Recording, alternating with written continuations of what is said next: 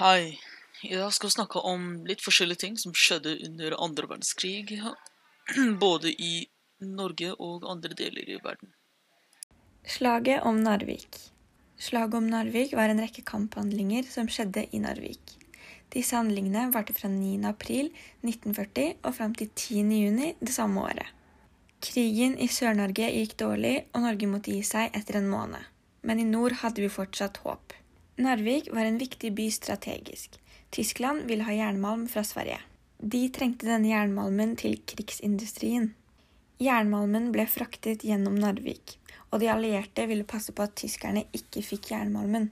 I tillegg var denne jernmalmen også viktig for den britiske krigsindustrien. Narvik var en viktig havn for å kontrollere Nord-Norge og Norskehavet. Hvis de allierte kunne bite seg fast der, kunne den britiske marinen omringe tyskerne i Sør-Norge. 9. april, da slaget om Narvik begynte, ble to norske krigsskip senket av tyskerne. Minst 276 nordmenn døde før byen overga seg. Kongen og regjeringen flyktet til nord. Imens dette skjedde, la de allierte en plan for å vinne tilbake Narvik, stanse den tyske importen av jernmalm og forsvare Nord-Norge. Planen var at de allierte skulle angripe tyskerne på alle måter. Fra land, hav og luft. Britiske og franske og polske styrker hjalp til. Noen dager etter den tyske invasjonen hadde briterne senket de tyske krigsskipene rundt Narvik. Da ble franske styrker satt i land i nord. I starten gikk det sakte framover for de allierte. I april var det snøstorm som herjet rundt, og tyskerne hadde forskanset seg flere steder i området. Det var nesten ingen gode veier i området. Norske, franske, britiske og etter hvert polske styrker måtte slåss på fjellene for å nærme seg Narvik. Tyskerne hadde fått flere forsterkninger. Det var blant annet fallskjermsoldater og offiserer som var forkledd som hjelpmannskaper fra Røde Kors.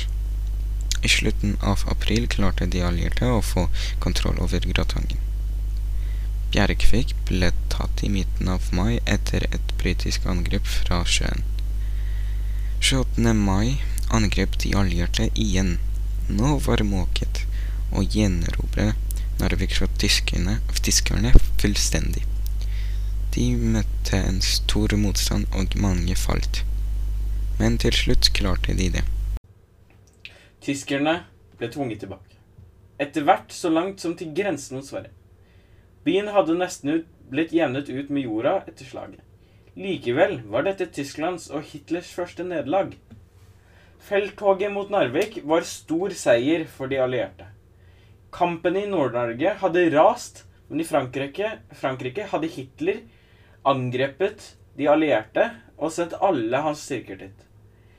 I juni, to uker etter de vant Narvik, trakk de allierte seg vekk fra Nord-Norge. Uten de alliertes hjelp i Nord-Norge var det her for vanskelig for det norske forsvaret, og de tapte. Den norske hæren måtte kapitulere. Kongen, kronprinsen og regjeringen dro til London for eksil. 10. juni var den tyske okkupasjonen ferdig i Norge. Pearl Harbor. Dette skjedde 7.12.1941. Da angrep Japan den amerikanske marinebasen Pearl Harbor. Japan angrep via fly og miniubåter fra marinen i Japan. De erklærte krig mot Amerika, som gjorde at Amerika ble dratt inn i andre verdenskrig. Japan angrep 21 amerikanske krigsskip, og det ødela 188 fly og en total av 2335 amerikanske soldater og 68 sivile mennesker.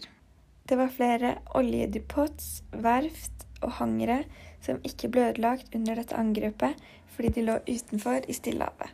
Grunnen til at Japan angrep Amerika, var fordi de ville ha mer makt.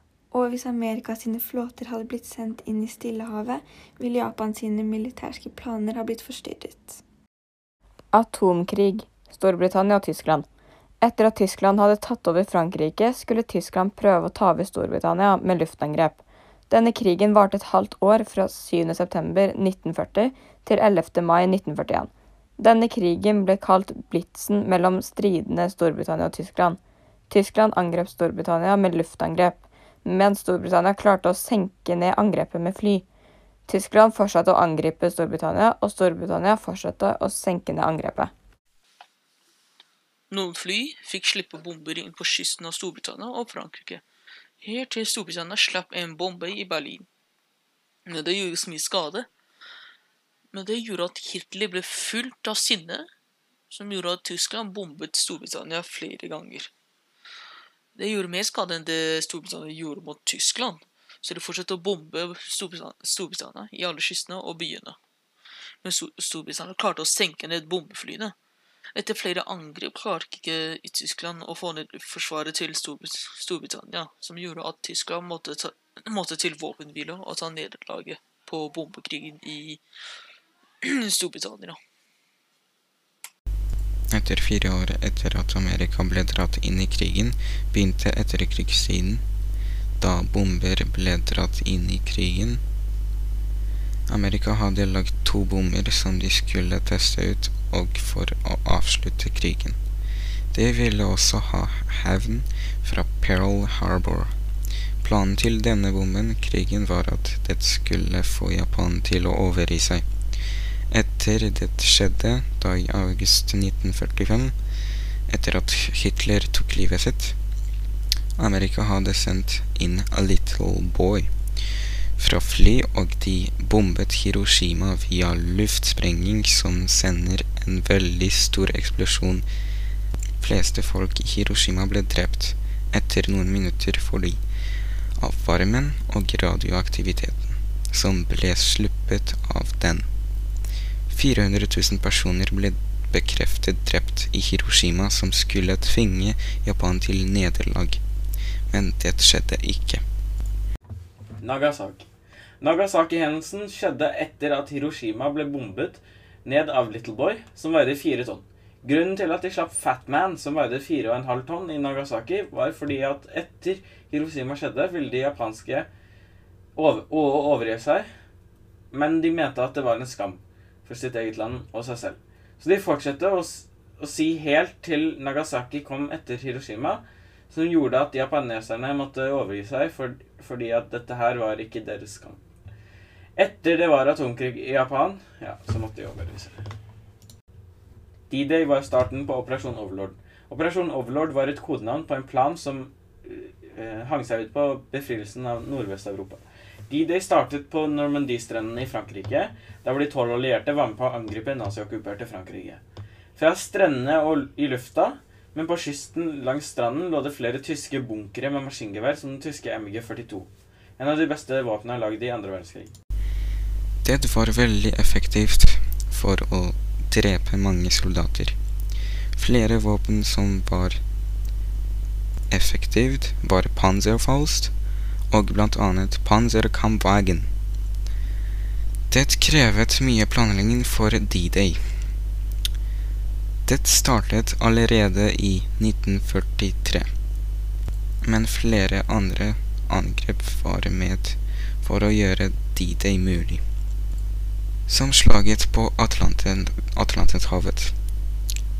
De første allierte troppene gjorde bommene angrep på stredene, og de droppet inn fallskjermjegere først. Så begynte flåtene å komme. Døden i D-Day. Det er bekreftet 5000 allierte døde kropper funnet, men totalt var det litt over 14 000 allierte soldater. Det var 1000 tyske soldater som døde den første dagen, og til sammen var det rundt 25 000 tyske soldater som døde.